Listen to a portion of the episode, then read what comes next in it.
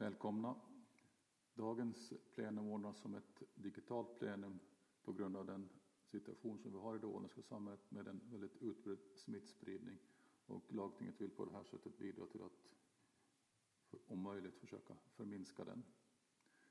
Vi har en väldigt besvärlig situation på Åland just nu. Väldigt många människor i karantän och även här på Åland så har dödsfall också inträffat nu på grund av den här coronaepidemin som vi genomlever.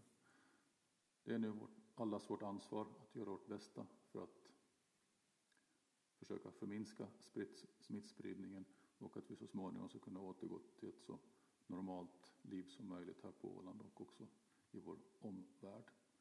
Och därför så ber jag alla som ännu inte har tagit sina vaccinationssprutor att försöka göra det för sig själv och för alla.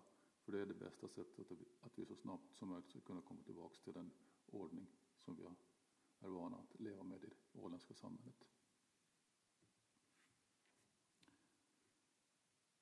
Plenum börjar. Talman Bert Hägglund anmäler frånvaro från dagens plenum på grund av privata angelägenheter. Övriga ledamöter noteras delta digitalt i dagens plenum. En frågestund kommer att hållas onsdagen den 26 januari klockan 13.00. Landrådet och alla ministrar deltar vid frågestunden. Antecknas. Antecknas också att det är de facto 28 ledamöter närvarande då digitalt eftersom eh, också ledamot Anette Bergbo har tidigare begärt om sjukledighet. Antecknas. För oss första behandling är det nummer ett, ändring av lagstiftningen om offentlig upphandling. Lag och kulturutskottets betänkande nummer 5, 2021-2022. Lagförslag nummer 1, nummer år 2021-2022. Ärendet avförs från dagens lista och tas upp till behandling vid plenum den 26 januari 2022. Antecknas. Remissdebatt är nummer två.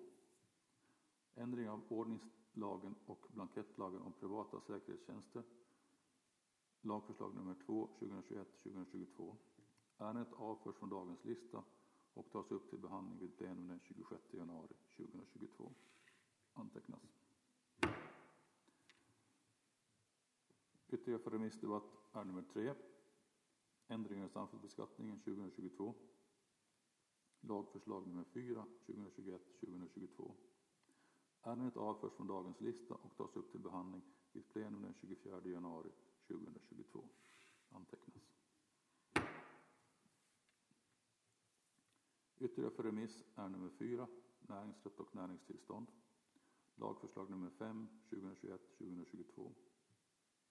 Ärendet avförs från dagens lista och tas upp till behandling vid plenum den 26 januari 2022. Antecknas.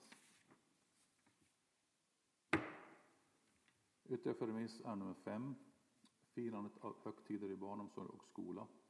Åtgärdsmotion nummer 1, 2021-2022. Ärendet avförs från dagens lista och tas upp till behandling vid plenum den 24 januari 2022. Antecknas. För kännedom är nummer 6 republikens presidents framställning om utkastet till statsrådets förordning om det multilaterala avtalet M342 i bilag A till överenskommelsen om internationell transport av farligt gods på väg, inom parentes ADR. Republikens presidents framställning nummer 2, 2021-2022. Talmannen har i enlighet med 31 paragraf andra momentet i lagtingsordningen beslutat sända ärendet till landskapsregeringen för ett yttrande. Ärendet upptas därför för remiss vid ett senare plenum. Ytterligare för kännedom är nummer 7. Republikens presidents framställning till Ålands lagting om statsrådets förordning om ändring av namnet på den europeiska överenskommelsen om internationell transport av farligt gods på väg. Republikens presidents framställning nummer 3 2021-2022. Talmannen har i enlighet med 31 paragrafen andra momentet i lagtingsordningen beslutat sända är även detta ärende till landskapsregeringen för yttrande. Ärendet upptas därför för remiss vid ett senare plenum. Ytterligare för kännedom är nummer 8, diskrimineringslagstiftning. Lagförslag nummer 6, 2021-2022. Ärendet tas upp till behandling vid plenum den 26 januari 2022. Utöver för kännedom är nummer 9, resebyråverksamhet.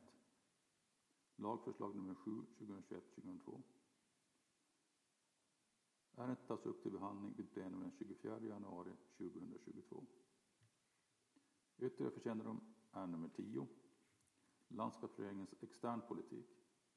Meddelande nummer 1 2021-2022.